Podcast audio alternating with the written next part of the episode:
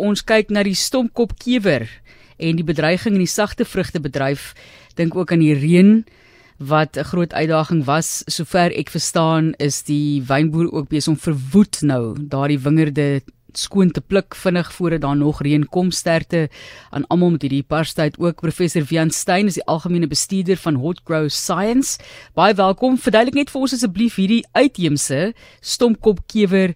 Hoekom is julle bekommerd daaroor Eerstens Martelies en Johan baie dankie vir die geleentheid om julle luisteraars te praat Ehm um, ja, ons bekom, bekommerd oor die stompkopkewer. Tot nou toe was hy of het hy net ornamentele plante in huistuine en in dorpe en dan natuurlike plante groei geaffekteer. Maar ons studies aan ook dan nou ehm um, ons gewaarwordinge in soos dit Wes wys dat die stompkopkewer ook 'n bedreiging inhou vir ons uh sagte vrugte soorte, appels, pere en die steenvrugte. Ehm um, almal van hulle kan deur die stompkopkewer aangeval word. Ons weet nog nie of hulle 'n primêre gasheer vir die stompkopkewer gaan wees nie, want dan het jy natuurlik nog groter probleme, want dan is hy 'n jy weet dan dan soek ek stompkopkewer om aktief uit en of hy net 'n gasheer is wat jy weet hy wat hy in in probeer oorleef nie.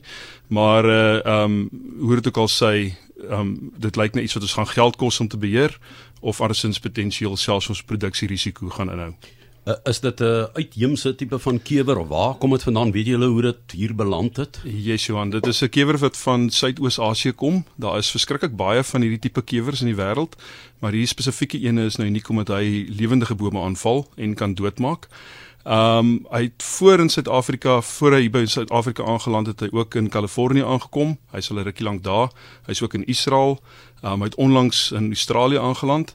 Um, in Suid-Afrika het hy eintlik in die in die Ooskus ingekom, Durban se omgewing en het al redelik oor die land versprei. 2019 het hy soos dit Wes in 2 of 3 huistuine uitgedop en van toe af het hy nou versprei van daar af regdeur dele soos dit Wes allangs met die R44 langs in Stellenbosch toe waar hy ook nou voorkom en um, ons eie lokvalle wat ons in die omgewinge toon dat hy ook nou in die in die op die die soem van die dorp voorkom waar hy natuurlik dan nou in aanraking kan kom met met vrugtebome dikwels kan 'n mens nie vroeg genoeg sien waar die goed is nie. Daar moet eers skade wees. Jy weet dit is amper soos die boorkewertjie. Hier kom 'n bietjie saagsels uit die hout uit. Ah, jy's daar. Dis dikwels al te laat, né? Hoe hoe kan 'n mens vroeë opsporing mee vorendag kom? Absoluut Johan, dit is een van die groot probleme want die kewer teen die tyd wat die boom begin um simptome toon in terme van sy blare wat weet takke wat begin terugsterf en so aan, mag die kewer al uh, meer as 'n jaar in die boom wees en mag daar 'n hele paar generasies, paar duisende of meer honderde duisende kewertjies nou al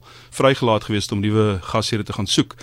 Die die kewer is baie klein, hy's so groot soos 'n sesame saadjie, so jou jou openingkie in die boom se stam is omtrent 'n millimeter groot. Dit is baie klein.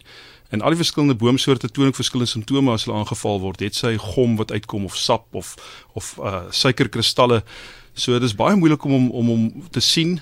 Ehm um, die beste wat 'n mens kan doen is om na sy prima gasheere na hulle te kyk, waar hulle in die huistuine voorkom. Dis die boom wat 'n mens moet moet deeglik moet na kyk om te sien of hy daar is of nie. Wat is die prima gasheere?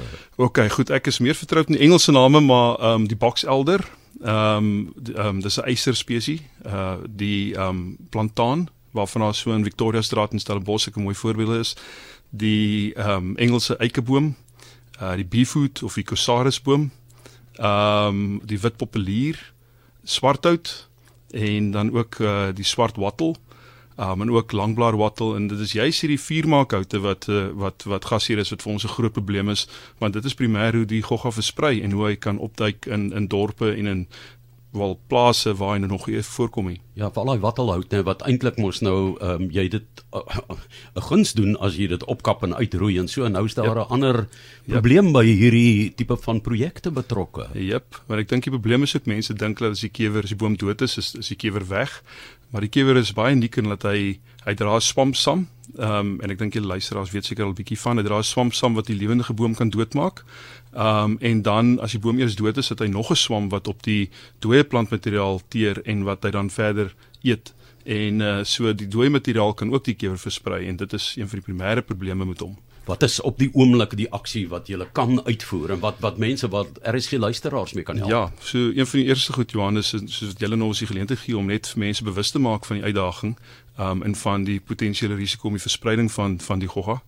Ehm um, en uh ehm um, ja, so dis dis dis ek dink die, die primêre ding wat die huiseienaar vir ons kan doen en ek uit die aard van saak dis vir die regering ook vir ons gaan moet help.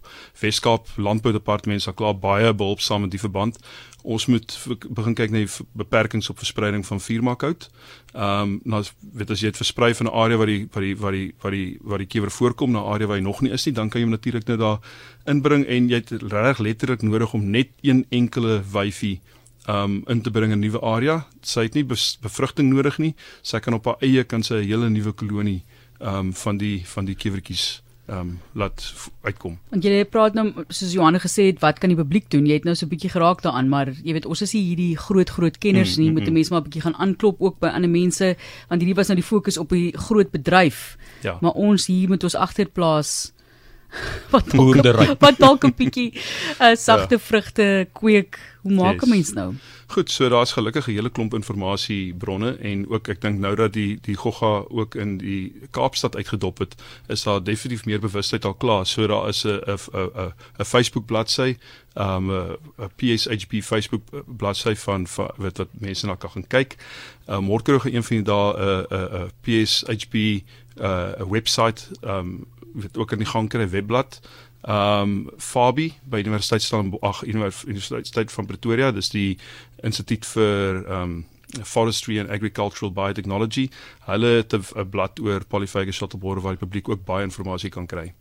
Goed, so ehm um, ons as publiek kan 'n bydrae lewer deur A, dan gaan kyk na die hout, jou braaihout waar dit vandaan kom yep. en hoe dit geskei word. Ek weet daar is baie hout wat byvoorbeeld uit Namibië uitkom en so wat eers berook moet word mm -hmm. byvoorbeeld sodat daar geen lewende organismes ja. in is en so meer nie. Is dit dalk 'n metode wat ook um, gebruik sou kon word? Ek reken so. Ehm um, dooihout het, het 'n klomp kiewers. Ehm um, ek het al onbehandelde hout by my huis gehad en baie bekommerd gewees oor my dakkappe. Ehm um, ja, dit moet dit moet berook word en dit kan definitief help. Ehm um, en ja, ek dink die, die groot probleem is eerder ook dan met met met afvalstukke hout, tuindienste hout, daai uh paadjies, stappaadjies wat mense wil maak in jou grasperk met 'n uh, afgesaagde boomstompe. Ehm um, dis dis ook waar die risiko inkom. Net laastens, jy is by Hotgrow, wat doen julle? Waarvoor staan Hotgrow? Okay, so Hotgrow is 'n is 'n bedryfsorganisasie. Ons is soos uh jy kan maar sê soos Graan SA of die rooi vleisprodusente vereniging. So ons behoort aan die aan die sagte vrugte bedryf. Um die sagte vrugte produsente betaal 'n statutêre heffing wat ons dan aanwend om navorsing te doen en um die regering op hoë vlak interaksie te hê rondom goed soos die hawe en die uh die enwyse verkeer. Um en uh dan natuurlik skakeling op op verskeie vlakke uh met oorseese markte, marktoegang bestuur en so voort. So dis wat Dorker doen en dan nou die hierdie kewer omdat ons produsente affekteer, is dit iets wat ons definitief ook op moet kyk na, moet fokus en uh maar ek dink van ons kant af is daar groot noodsaak dat um al die verskillende regeringswede ook na die tafel toe moet kom om ons te help want uit die aard van die saak is dit nie iets wat ons alleen kan doen nie. Die publiek is nodig um, om ons te help um, en dan ook natuurlik al die verskillende regeringswede soos ek gesê het.